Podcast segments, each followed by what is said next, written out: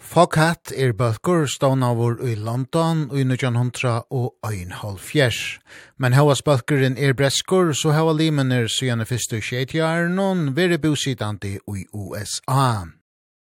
Staurastøyen tja Foghat vær fra 2.5 til 1978, her særlige utgavan Full for the City som var utgiven i 5.5, selte vel.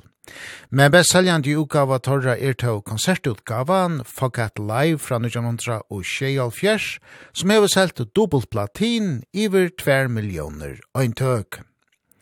Det var særlig i USA at Forget gjør det vart vi se og stegløs som Slow Ride, Fool for the City, Driving Wheel, I Just Want to Make Love to You og Third Time Lucky, First Time I Was a Fool, røntest eisne vel av amerikanska singelistan. Musik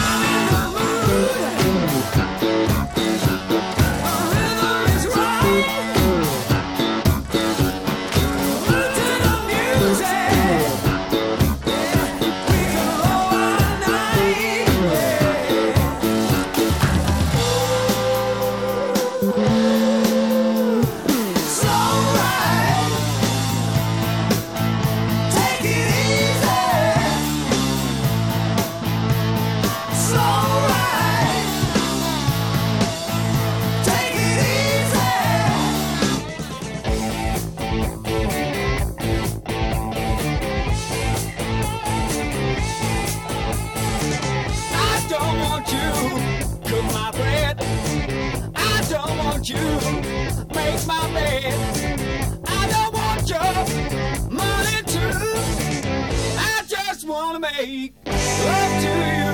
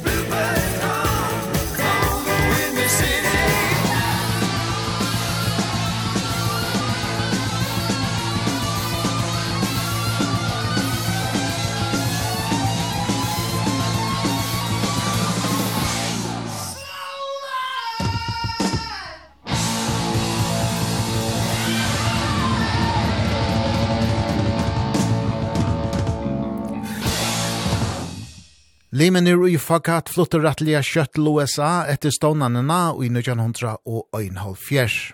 Årsøkjen var at bøkkeren fikk platesoppmala vi amerikanska platefelleie Bearsville Records, og her er det tøyr i fakat framvis stedsetter nu iver halva øld 17. Tøyri fagat det framvis virkner, og 20. november kommer tøyr vi seikjando studio gav søyne Sonic Mojo. Av opprunna mannen er best 64 år gamle trommoslovaren Roger Earl etter. Og han har vi finnes jo et prat vi om Nucho Ugauna. If you are 77 years old and you've been part of the music business for around uh, 60 years now, what is driving you? I love my work. What can I tell you? It's um, uh, playing drums in a rock and roll band. And what a, it's a great job. You know, just the other day we played in Arkansas somewhere And um, after the show, we were sitting in our dressing room, we were having a glass of wine, and our singer and guitar player, Scott Holt, said, Isn't this great? How many jobs do you do without when you finished working, the people stand up and clap and cheer? Yeah. I love my job. It's not a job. You know what we do? We, we talk about, we get paid for traveling, you know, planes, trains, and automobiles. It's always hurry up and wait. But that hour and a half on stage, it's worth it. That's what we live for. Yeah, and you are in good shape. Yeah, anytime I get damaged, uh, I find a doctor or a surgeon that can mend me. I've been sewn up and stitched up and uh glued back together again, especially over the last 20 years or so, but um medicine today has improved a lot. I mean, it's changed. There's a lot of medicines, natural medicines that work really well uh, for me anyway. And uh, I'm going to roll till I'm old and rock till I drop. When I can't play anymore, maybe I'll stop then because, but at the moment, I love what I do. I love playing with these guys in the band. It's a real band in every sense. I think you can get that from the record. The variation of songs, the attitude to the songs. I mean, it's American music where it was based in America. The blues of course started everything, jazz, bebop then we got rock and roll country and western uh gospel music. This is the land where all this music comes from and it's a beautiful like conjoining of all that stuff. And i think foghat though we're basically a blues rock and roll band there's all those other influences that are out there that we every now and again we'll go I'll have a, I'll have a bit of that and put that in this song.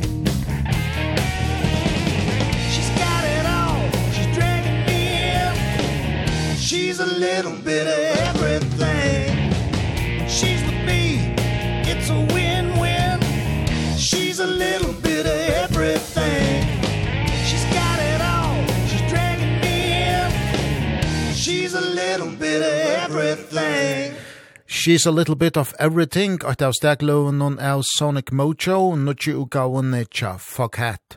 Seijanda ugava torra var tøk 20. november. Teir og heilig tjejar lien søgjane fakat ugav nesten just i ugav søgna under the influence. Og teir og fløyri årsøkjer til at så langt tui er fra lien, grøyer trommoslovaren og einasti av opprona limen Roger Earl fra. We've been we've been real busy. We do uh, between 60 and 70 shows a year, mostly in the US, sometimes Canada and Mexico, but um it's not a race. We have a studio in DeLand, Florida, which is in the middle of nowhere on 10 acres. We make as much noise as we want. January, February, March, we all get together there. We change the set around. We put, you know, four or five different songs in there. I mean, we've made what 17 studio albums over the years. So we got a lot to pick from. You know there's five or six songs we'll always play and that's fine. But um and then we also start recording. When we do shows we do a sound check and often we'll just start jamming on something or um we'll be sitting in a car and we have ideas for a song uh a lyric. And um I try and write that most of this stuff down but if I don't write it down, I'll forget it. I had a notepad notepad on the side of my bed for a while and sometimes when I'm on the road and I wake up in the middle of the night and go I have an idea for something. I'll write it down. The next morning I'll get up and read it and go what is that?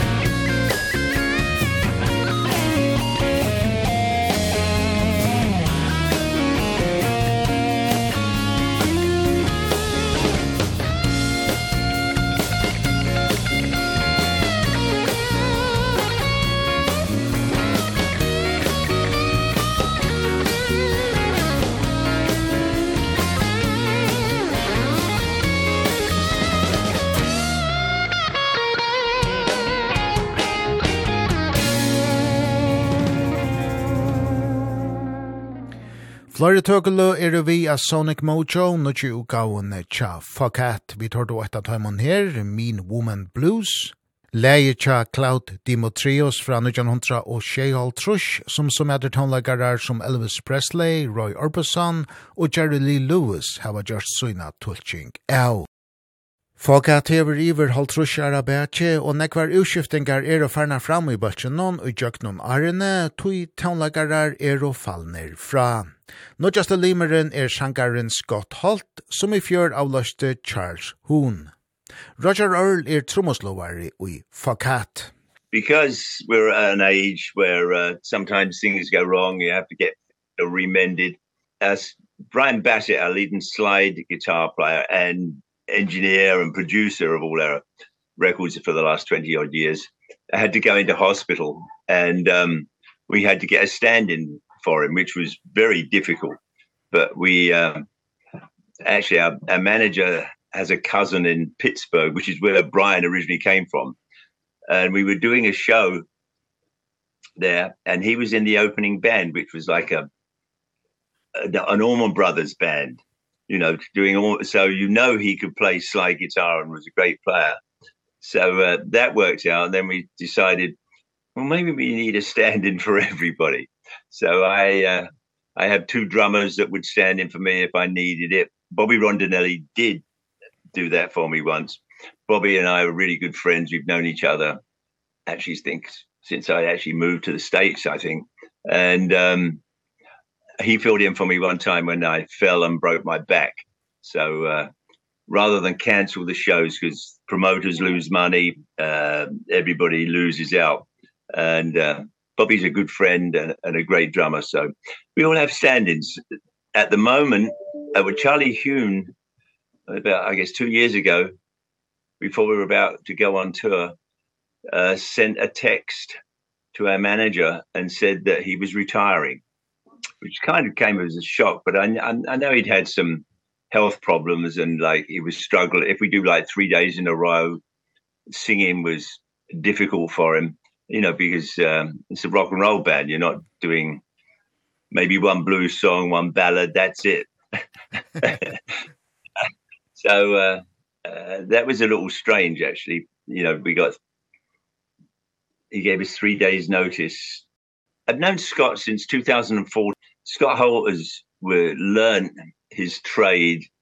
He was with Buddy Guy for 10 years and so you know the man can play guitar and sing and he's deeply immersed in the blues so uh, it was uh, it was a real natural fit. In fact, I'm having the time of my life with this band. I love working with them, I love playing with them, creating um it's uh we have a good time we have fun. Isn't fun the best thing to have? Yeah yes. And how how do you describe him as a singer?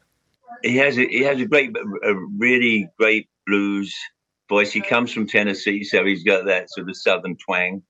He's not unlike Lonesome David our original lead singer.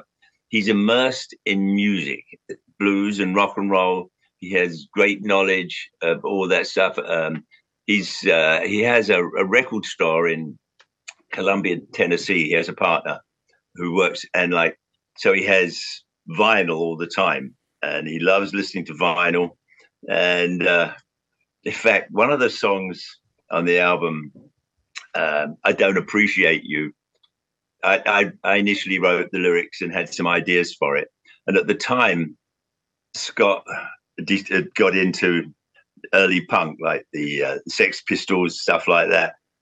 And I don't appreciate you is um it's a uh, it's a very polite way of saying f you to somebody. and that sort of took on like a more punky sort of attitude um uh, basically youth, you know, you play it fast and hard.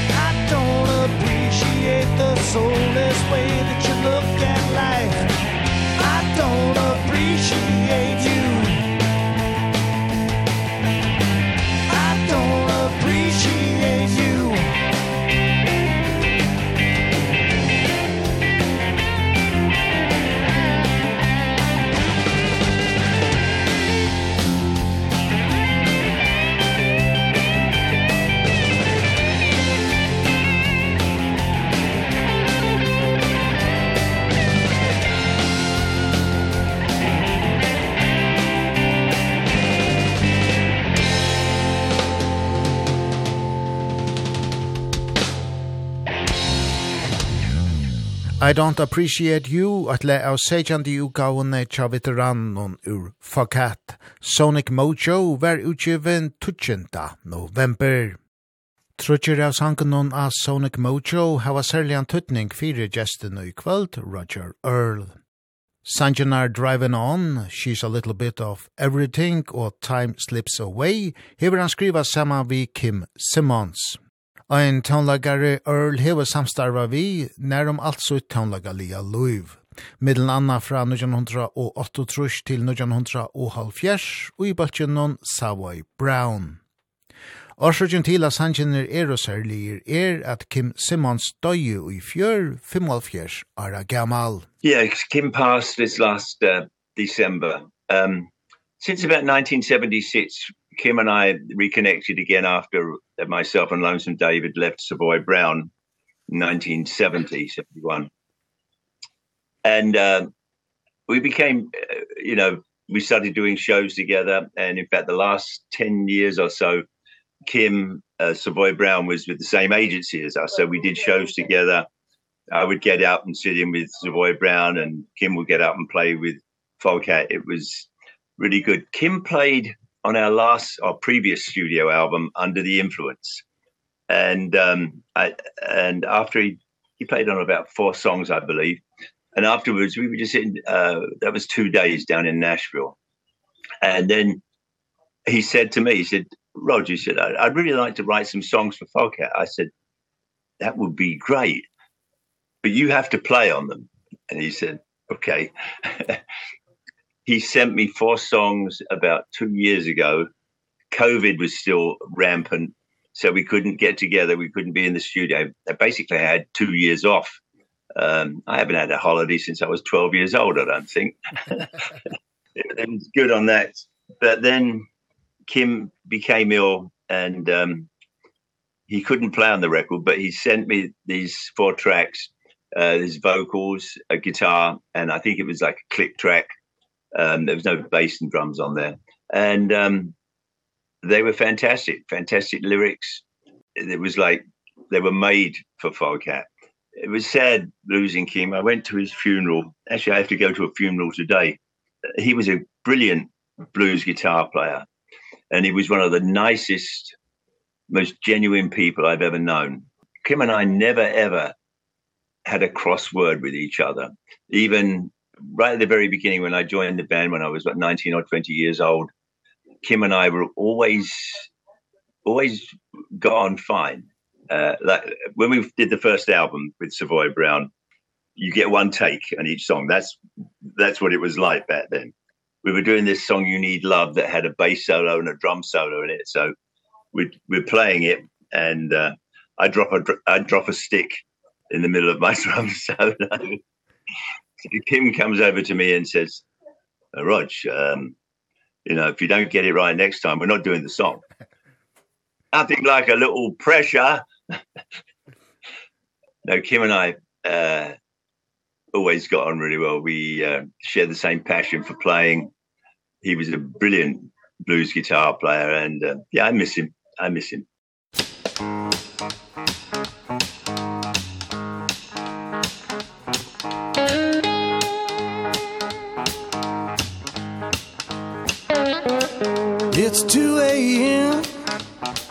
long way to go. It's dark all over. Moon starting to glow. Gotta stay awake No matter what I do. Wanna see my girl When the night is through.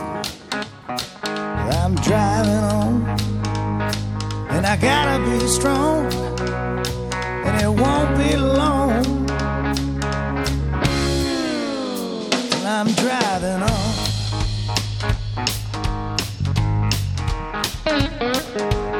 She'll be waiting for me to pull in. I'll be so happy to let loving begin.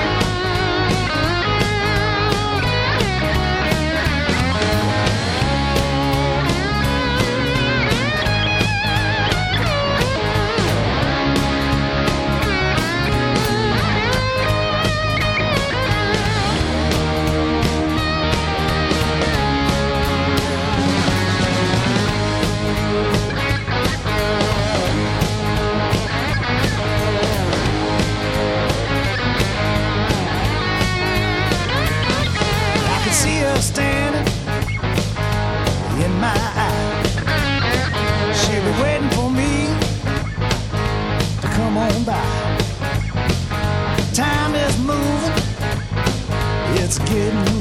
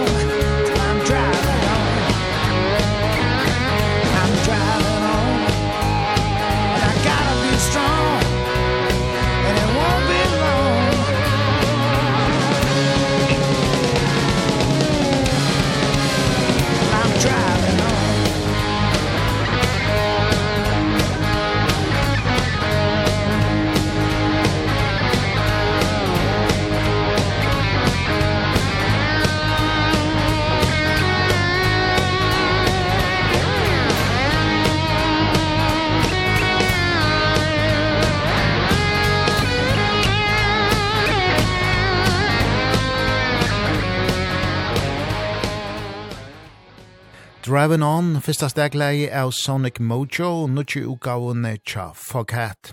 Sejanda utgava tarra var tøk 20. november.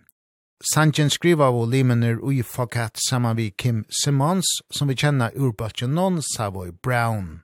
Simmons som døy i fjør, hever vi til a skriva trutjar sanjer av Sonic Mojo. Søveliga se, så hever fyrverande sangaren David Peverett skriva størsta parten av tonelagen on Cha Fokat. Peverett døy jo i 2000, og så gjenta hever gesteren i kvöld, trommeslåaren Roger Earl, vere mara vi i leskrivingsne. Well, when we first got together, Dave was the main writer in the band. I would often come up with um, a line or some lyrics, but Dave was a very prolific songwriter. You know, he had some real magic in his words and stuff like you know Stone Blue. But I I would write sort of a line like for example there was uh, there was one song about a car we did on the Fall for the City album and Dave didn't drive so he came up and said so you got any phrases that are to do with like driving and I said yeah and I helped out on that. I guess um as I've got older there's lots of ideas and you draw on what what you've seen and what you've done, what you read, you know, for writing. Uh, that's where I get my inspiration from. I didn't bother that much in earlier days. In fact, I I found an old notebook from late 70s early 80s and I had all these lyrics written down and I'd forgotten all about it, but I guess I always did it. But when you have somebody like Dave who's a a great writer and and a prolific performer, it's um you leave it to those that do it best, you know what I mean? That's what a band's all about. A mistake. Tanaina Sanchin a Sonic Mojo, I wish I'd been there, hever Roger Earl, skriva saman vi broresuinon, Colin. Colin er en røntur leskrivare som et land hever skriva klassikaran In the Summertime, som Mongo Jerry heiat risa hit vi i 1900 og halvfjers. I wish I'd been there er en faknavarkvåa til Hank Williams. Yes, that's right. Exactly right. My brother and I were a huge Hank Williams fans. I used to have a CD in the car. Somebody stole it. Colin sent me the lyrics a while back and I found the letter that he'd written to me. And uh, I called him up and said, look, send me the lyrics again. And he made a few notations about maybe some chord structure, but basically it was left up to us. I wish I'd been there when Hank Williams came to town, standing there in his cowboy set suit Stetson on his hat like a crown. It's like, yeah, uh, Tank Williams was uh, made some magical songs. He died real young, which uh, which is rather sad, but his songs live on. And uh, it was yeah, the, the lyrics moved everybody. Um, Scott, of course, coming from Tennessee, was a huge Hank Williams fan as well. So yeah, that worked. And this whole record I think has a piece of what what we were as fans. I mean you become a musician because you love music and you're fans of singers players whatever. And for me it was always about the music you know playing in a band. Uh, it was never about doing drum solos. So they're good fun you know to hang bang and kick and crash. But um for me it's always about the music. Um and i think that's what the drummer's job is to set the tempo the cadence for the song and to make it make it rock. Yeah i i don't, I, don't know, I feel uh, i feel a rolling stones coming on. I oh, know it's only rock and roll but i like it.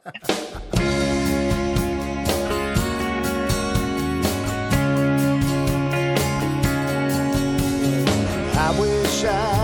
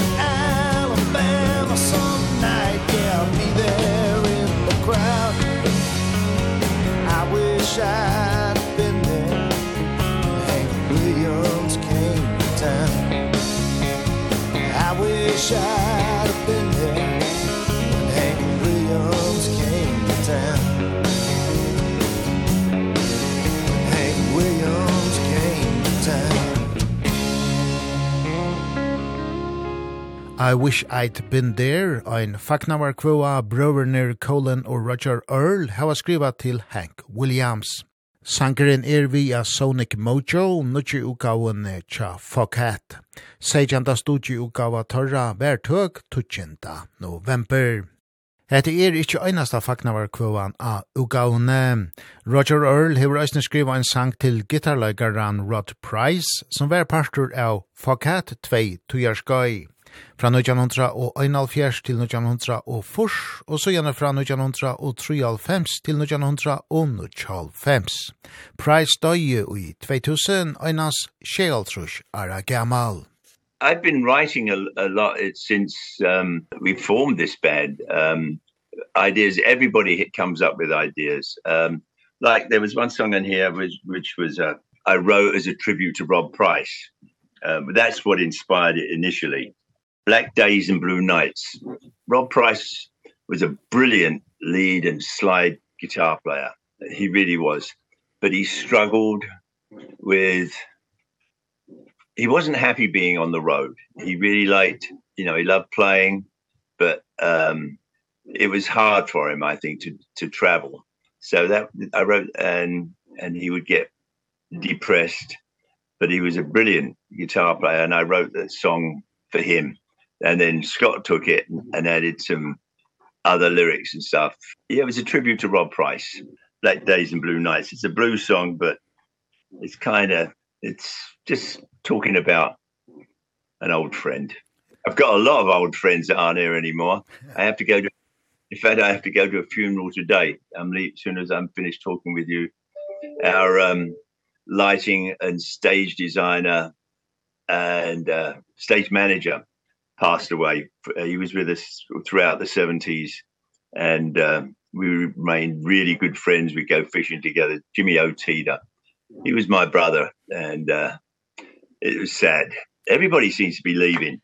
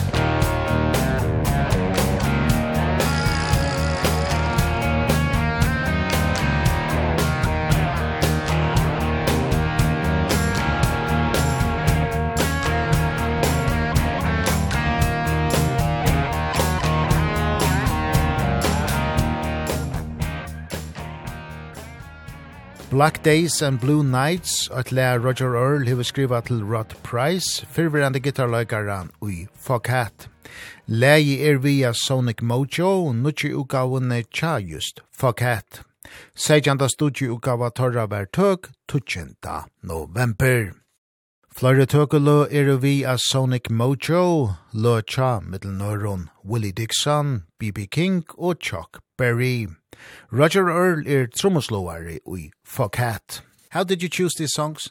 When we in our in our studio down in Florida, we just to warm up, we just start jamming. Scott will start something or sing a song and we all sort of join in. And um for example, the Chuck Berry song, Promised Land. Scott told told we were sitting down like about 2 or 3 in the morning after we finished rehearsing and writing for the day and he went to see Elvis Presley when he was I don't know 12 or something. His mother took him to see him. And Elvis did Promised Land Chuck Berry song. And we said well why don't we have a go at that? So we literally started playing about 2 or 3 o'clock in the morning. And then the next day Brian came over to the studio because he lives in Florida. And uh, we started working on it. And Chuck Berry was also influenced by every form of music, jazz, country. It wasn't just, you know, like though he was famous for sort of his rock and roll songs, but he was very much a jazz and blues player. And so we decided to sort of put more of a country lilt on it. And it was a lot of fun making that song, you know, like just the drums are like from, you know, 50s kind of bebop kind of swing thing and Brian's playing country we had a blast and uh, it worked. Thank you, Chuck. Without Chuck Berry, there'd be no rock and roll. Uh, but we'd all be out of work.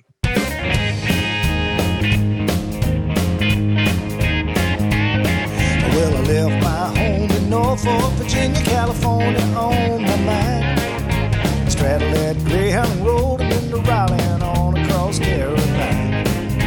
Had a boat of trouble that turned into a struggle halfway across Alabama town broke down and they left us all stranded in downtown Birmingham. Right away I bought me a through train ticket right across Mississippi clean. I was on that midnight flyer out of Birmingham and smoking into New Orleans. Somebody help me get out of Louisiana, just help me get to Houston town. There are people there who care a little about me and they won't let the poor boy down.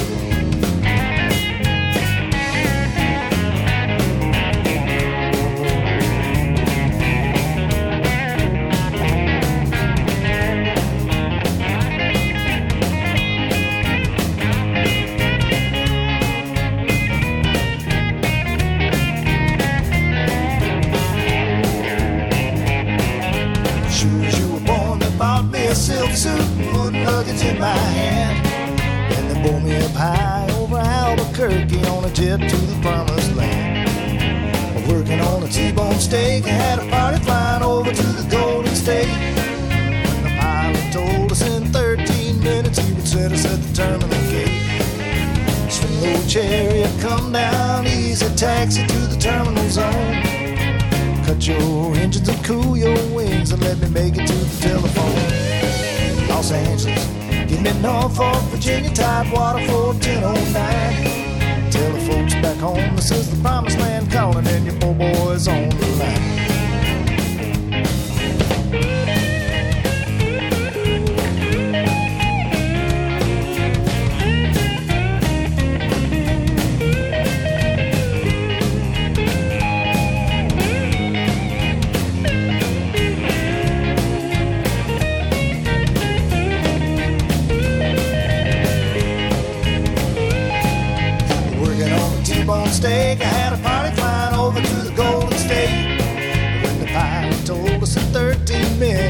at us at the terminal gate. Swing low cherry, come down easy Taxi to the terminal zone. Cut your engines and cool your wings And let me make it to the telephone. Los Angeles, give me Norfolk, Virginia Tide Waterford, Tell the folks back home This is the promised land calling When the poor boys on the line. Tell the folks back home This is the promised land calling And the poor boys on the line.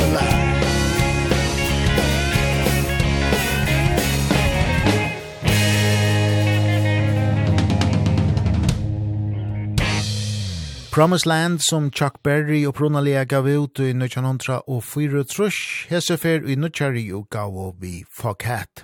Leie er vi av nutjari og og torra Sonic Mojo som var utgiven sejtjanta juni. And if we look at um, Sonic Mojo and, and uh, Foghat's uh, previous album, can you see an indifference between this new album and, and the previous one? I think it's um, it's got a piece of everything that this band is about in this album there was a lot of songs that we've got probably at least another maybe a dozen tracks of other songs that we'd written but there's some songs you know come to you and you go and everybody goes this is great. Wow. You know everybody loves it. And other songs you nah, nah, I think we could do that better. But with this song with with this record every single song the band was everybody was for it. And like there was like I said there's at least 10 or a dozen other songs that we recorded but they didn't uh, they didn't quite have that bit of magic or you know the thing is you put the, the you listen to it and the playbacks and stuff. And then if you want to get up and dance we'll keep that one.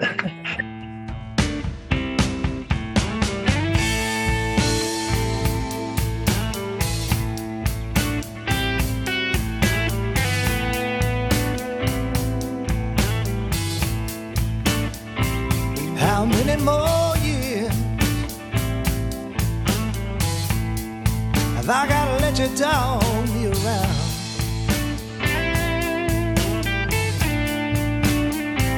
How many more years? I gotta let you down me around.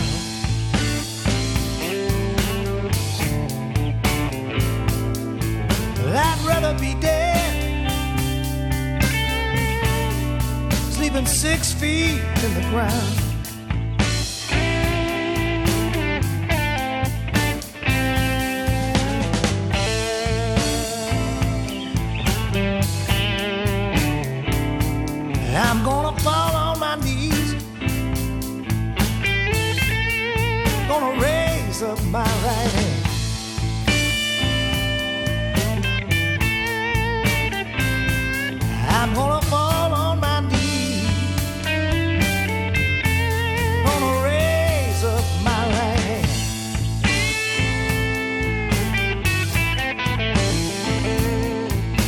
feel much better, darling If you just only understand.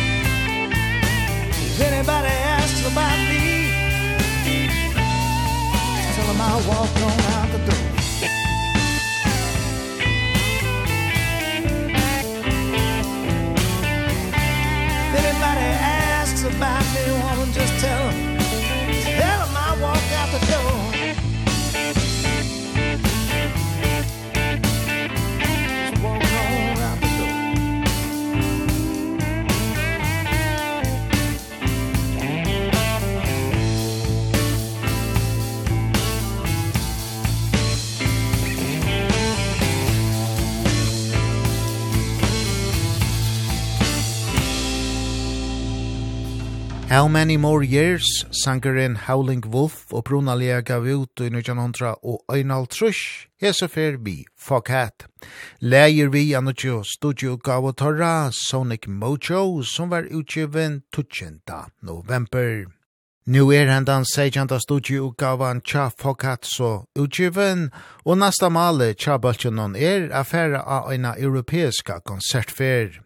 Fokat hever ikkje spalt ui Bretlandi, så gjerne fyrst ui Sheitjar non. Og Roger Earl vånar at hetta verur verleitje. Well, we're really trying hard to get to Europe. Um, band hasn't played in Europe since 1972, 73. We did a tour with Captain Beefheart in, in England. But uh, other than we played Sweden Rock twice, I think. We did a show in Germany a couple of years back and one in Belgium.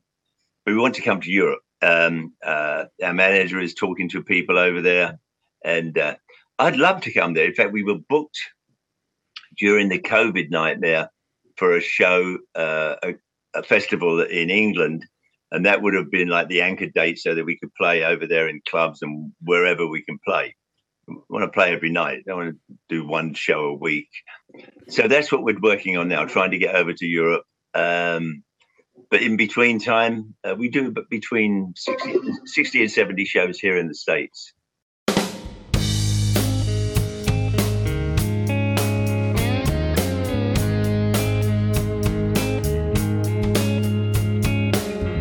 Slowly i move with a dying day. In the caress of shadows gray. Turning off my thoughts and closing up my mind the noise behind. And time slips away. Time slips away.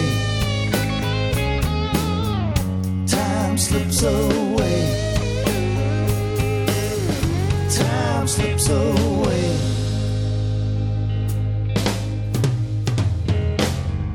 The dreams I have will fade in the morn.